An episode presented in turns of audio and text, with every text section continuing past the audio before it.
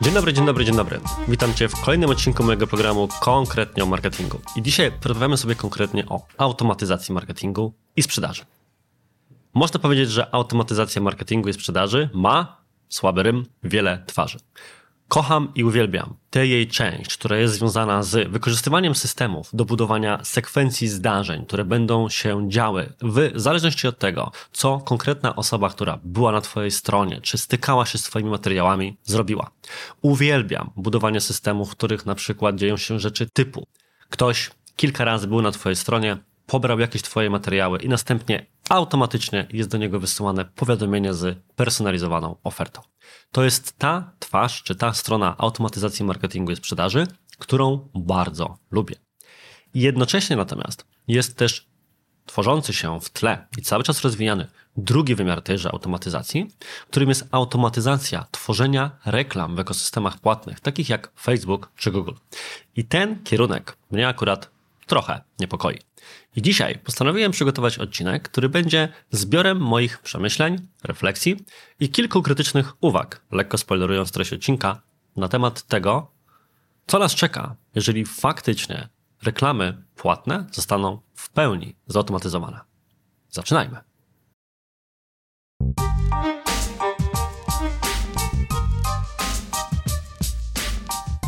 Przyznam szczerze, nie ufam automatyzacji. Nie dlatego, że jestem jej przeciwnikiem, czy że uważam, że zabierze mi pracę. Wręcz przeciwnie. Jest wiele automatycznych elementów na poziomie systemów reklamowych, które kocham i o których często mówię jako najlepszych możliwych potencjalnych rozwiązaniach. Jedną z takich rzeczy, których wielokrotnie mówiłem w swoim programie, jest na przykład automatyzacja umiejscowień w reklamie na Facebooku. Po co ja mam się sam zastanawiać, czy powinienem reklamę puszczać na Facebooku i Instagramie, skoro mogę próbować, tudzież pozwolić systemowi na puszczanie jej w obu tych miejscach jednocześnie i przesuwanie budżetów bądź wyświetleń na jeden z nich, zależnie od tego, na którym z kanałów ludzie klikają czy angażują się po prostu częściej. Taka automatyzacja, która mi pomaga i której wyniki mogę podejrzeć, jest dla mnie naprawdę świetnym rozwiązaniem. Ale z tej uwagi przechodzimy właśnie do mojego pierwszego zarzutu, czy pierwszego przemyślenia na temat postępującej automatyzacji reklam płatnych i jest to brak transparentności. O co chodzi? Omówmy to na jednym konkretnym przykładzie. W obrębie systemu reklamowego Facebooka istnieje taki przycisk, który nazywa się rozszerzeniem targetowania. Normalnie jest bowiem tak, że kiedy konfigurujesz reklamę na Facebooku czy Instagramie, bądź w obu tych systemach jednocześnie, to na poziomie tak zwanego zestawu reklam, czyli miejsca, w którym dobierasz swoją grupę docelową, wprowadzasz pewne parametry. Wiek, płeć, zainteresowania tejże osoby. Można byłoby powiedzieć, że są to pewne ramy, warunki brzegowe, które przyjmujesz. I wszystko jest w porządku. System może działać jak mu się podoba w zakresie dobierania już konkretnych osób, którym będzie wyświetlać reklamy, ale nie może wyjść poza narzucone przez ciebie ramy. Masz więc kontrolę nad tym, co i dlaczego się dzieje. Jednocześnie jednak jest pewien mały checkbox, przycisk, który możesz zaznaczyć. I tym przyciskiem jest rozszerzenie targetowania. Ten jeden przycisk całkowicie zmienia postać rzeczy. Jego definicja brzmi mniej więcej następująco. Na podstawie sobie tylko znanych i nigdzie nie spisanych reguł, system, uwaga, może zmienić Twoją grupę docelową na taką, którą uważa za właściwą. Warunek jest taki, że rzekomo, bo znów nigdzie nie jest to dokładnie rozpisane, ma to działać w taki sposób, że to rozszerzenie czy zmiana zadzieje się wtedy, kiedy algorytm wierzy, że jest w stanie dostarczyć Ci lepszych wyników w budżecie, który przeznaczyłeś. Można by więc było stwierdzić, że hej Artur, czemu się czegoś takiego czepiasz? Natomiast moje założenie jest bardzo proste. Na przykład po pierwsze, chciałbym wiedzieć, czy taka zmiana w ogóle miała miejsce. Kiedy patrzę w podsumowanie swoich reklam, nie widzę takiej informacji. Więc czy grupa, która była targetowana, to była grupa, którą ja ustawiłem, czy była to jakaś inna grupa? Po drugie, chciałbym wiedzieć, czym algorytm kieruje się przy wyborze, kiedy dokonuje takiej zmiany. Jakie parametry pozwalają mu wierzyć, że grupa docelowa, którą dobiera, jest lepsza od tej, którą ja wybrałem i że w ogóle jest zgodna z moim biznesem. Takiej informacji również nie ma. Co to oznacza? To wszystko prowadzi nas do wniosku, że pytania, jak mam analizować coś, czego nie jestem w stanie zrozumieć i czego warunków ani reguł nikt mi nie poda. I to wiąże się z moim przemyśleniem, tudzież z zarzutem numer dwa, wpływ automatyzacji na testowanie. Z marketingiem i sprzedażą za pomocą reklam płatnych i w ogóle systemów do marketingu internetowego jest tak, że połowa tej pracy to po prostu stawianie hipotez i ich testowanie. I jedną z hipotez najczęstszych, które stawiamy, jest po prostu pewna grupa docelowa. Zakładamy, że dla usługi czy produktu XYZ właściwym odbiorcą będzie osoba o profilu takim, a nie innym. I następnie szukamy sposobu, żeby tę hipotezę zweryfikować. I robi się to po prostu, nie ma w tym żadnej fizyki kwantowej, przygotowując na przykład testową kampanię na taką grupę. Jednocześnie, jeżeli tylko budżet nam na to pozwala, możemy prowadzić kilka kampanii na kilka takich grup symultanicznie, w sensie jednocześnie. Robi się to po to, by na przykład później, analizując procent przeklików, liczbę tych przeklików, czy liczbę zapytań bądź sprzedaży, stwierdzić, ta grupa była lepszym wyborem, a ta niekoniecznie jest zainteresowana naszym produktem bądź usługą. W końcu to właśnie taką obietnicą, możliwością dokładnego targetowania, porównywania i analizowania swoich docelowych, więc szeroko pojętego testowania, zostaliśmy skuszeni, przenosząc się czy rozwijając swoje kanały marketingowe właśnie o kanały reklamy płatnej. Tymczasem pojawia się automatyzacja. Automatyzacja, która wkrótce prawdopodobnie ma się stać jedyną możliwą opcją targetowania. Jaki wówczas sens ma próba testowania czegokolwiek? Jeżeli adwocem tego, co powiedziałem wcześniej, w moim zestawie reklam domyślnym ustawieniem i niemożliwym do zmiany będzie to, że system, w zależności od nie przedstawionego mi widzi mi się, może zmienić moją grupę odbiorców na inną, nie informując mnie o tym i nie podając mi jaką. To skąd mam później wierzyć bądź wiedzieć, że wynik testu, który przeprowadzam, na przykład, że grupa X sprawuje się lepiej niż grupa Y, ma jakiekolwiek osadzenie w rzeczywistości. A może to była ta sama grupa? Tak naprawdę patrzę na dwie identyczne grupy pod takimi samymi nazwami albo innymi nazwami. Czy to oznacza, że systemy chcą nas zmusić do działania typu ustaw jedną grupę docelową, którą i tak ci zmienimy i baw się wyłącznie na poziomie kreacji? Czy to nie jest zaprzeczenie idei tego systemu, którym trochę miała być również wolność wyboru w tym zakresie i jednocześnie możliwość wyciągania wniosków, które mogą później mieć przełożenie na cały sposób funkcjonowania naszego biznesu? No właśnie, w tej chwili jesteśmy czegoś takiego zwyczajnie pozbawieni. Inaczej powiem, w tej chwili jeszcze taką możliwość mamy, ale jeżeli zmiany, które powoli pojawiają się w obrębie systemu Facebooka, bo na nim to omawiam, ale rzecz dotyczy się także Google'a czy innych systemów reklamowych, faktycznie wejdą w życie w tak pełnym wymiarze, to na przykład właśnie wspomniane testowanie będzie praktycznie niemożliwe. To prowadzi nas do punktu trzeciego. Większość biznesów nie ma skali niezbędnej do tego, żeby automatyzacja faktycznie działała. Ba, większość biznesów nie ma nawet skali, która pozwoliłaby im na testowanie czegokolwiek. Bardzo często, kiedy prowadzę szkolenia bądź konsultacje dla klientów i wchodzimy w obszary reklamy płatnej na Facebooku, omawiamy pewne warunki brzegowe, czyli na przykład minimalne kwoty, które należy poświęcić na przetestowanie danej grupy w jakimś konkretnym czasie. I szybko okazuje się, że klient będący po drugiej stronie ma bardzo ambitne plany. Chciałby przetestować jednocześnie kilkanaście bądź kilkadziesiąt grup docelowych i drugie tyle wariantów kreacji, żeby znaleźć ten, jak to się ładnie mówi, sweet spot, tę idealną kombinację, która dotrze do właściwych ludzi we właściwym miejscu. I wtedy pojawiam się ja, który muszę trochę utemperować takie założenia i stwierdzić, nie, nie, nie, nie, nie. Z tym budżetem możemy zrobić na przykład maksymalnie nie 30, a 3 grupy docelowe. Bo jeżeli zrobimy ich więcej, to algorytm nie będzie w stanie wyciągnąć poprawnych wniosków, ponieważ będzie miał po prostu za mało danych. To oznacza bardzo prostą rzecz. Wbrew temu, co się wierzy, Facebook i narzędzia do reklamy płatnej nie są do końca idealnie sprofilowane pod małe biznesy. Są to świetne narzędzia, działające świetnie po osiągnięciu pewnej skali. Im więcej danych zbiera ekosystem reklamowy, im więcej danych o kliknięciach, o zakupach, o wysłanych zapytaniach do firm i tak dalej, tym łatwiej jest algorytmowi nauczyć się, kto jest tą idealną grupą docelową, której należy wyświetlać kolejne reklamy. Jeżeli jednak tej skali zabraknie, to bardzo często algorytm ponosi po prostu porażkę. A może jej zabraknąć właśnie w przypadku small businessów.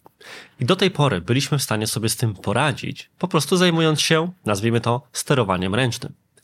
Przyglądaliśmy się z każdej strony każdej złotówce i bardzo dokładnie dobieraliśmy grupy docelowe i bardzo szybko wprowadzaliśmy zmiany i na tej podstawie się czegoś uczyliśmy. Jeżeli natomiast automatyzacja w takiej formie, w jakiej ma wejść, wejdzie rzeczywiście w pełni, to okaże się to, bardzo prawdopodobne, problematyczne. Tego oczywiście nie wiem. Nie jestem osobą odpowiedzialną za algorytm Performance Max w Google albo algorytm Facebooka, Instagrama. Natomiast mogę to powiedzieć na przykład na podstawie swoich doświadczeń z różnego rodzaju narzędziami zewnętrznymi. Jest wiele narzędzi zewnętrznych, które powstają po to, żeby pomóc dużym reklamodawcom wycisnąć więcej z płatnych reklam. Na przykład jest szereg takich narzędzi właśnie dotyczących reklam na Facebooku i Instagramie dla sklepów internetowych. I wielokrotnie jestem pytany przez mniejsze sklepy albo startujące sklepy, czy nie powinny zainwestować w takie narzędzie, żeby uzyskać jakąś przewagę nad innymi reklamodawcami. I jako osoba, która przetestowała szereg tych narzędzi, zarówno większej, jak i mniejszej skali, zawsze mówię nie. Te narzędzia bardzo pomagają, ale wtedy, kiedy mają już dużo danych w punkcie wyjścia, na przykład informacje o setkach zakupów w skali tygodnia, a nie pojedynczych zakupach w skali tygodnia bądź miesiąca startujących sklepów. Nie mając bowiem danych, ten algorytm rządzący takim zewnętrznym narzędziem nie jest nam w stanie pomóc. Czy w podobną pułapkę nie wpadnie algorytm Facebooka bądź Instagrama czy Google'a? Jak mówię, tego nie wiem. Natomiast ten odcinek służy temu, żeby wyrazić pewne swoje obawy, które, mam nadzieję, finalnie okażą się niewłaściwe. Ale póki co niestety, wszystko co obserwuję sprawia, że jestem tych obaw naprawdę pełen. Wreszcie punkt kolejny. Facebook nie rozumie biznesu moich klientów. Automatyzacja działa świetnie, kiedy ma proste i jedno zadanie. Na przykład dowieść więcej ruchu na stronę. Natomiast niekoniecznie poradzi sobie z trudniejszym zadaniem, jakim jest dowiezienie właściwego ruchu. W jednym z odcinków podcastu poruszałem, w jaki sposób coś takiego obejść i jakich rozwiązań i metodyk wypracowanych samodzielnie przez lata ja używam, żeby pomóc algorytmowi sklasyfikować ten właściwy ruch na stronie internetowej. I gdzieś tutaj w komentarzu albo w jakiejś karcie znajdziesz w tej chwili link do właśnie tego odcinka. Gorąco Ci go polecam. Natomiast na tę chwilę skupmy się, na czym w ogóle polega sam problem. A polega on na tym, że automatyzacja, tudzież optymalizacja na poziomie algorytmu ma jedno zadanie – dostarczyć nam jak największą liczbę wyników po jak najniższym koszcie. Jeżeli celem automatyzacji jest na przykład dowiezienie jak największej liczby sprzedaży i jest duża liczba danych, których można użyć do analizy, i rzecz jest raczej prosta, na przykład jest to e-commerce sprzedający tańsze bądź średnio drogie produkty, mogę z czystym sumieniem powiedzieć, że w takich sytuacjach te automaty naprawdę się sprawdzają, można na nich polegać i pomagają budować jeszcze większą skalę takim biznesom. W sytuacji jednak, w której mówimy o dobrach wysokomarżowych, produktach luksusowych albo firmach usługowych, czy wreszcie firmach B2B, to już tak łatwo nie jest, ponieważ wówczas przeważnie algorytm ma dwa problemy.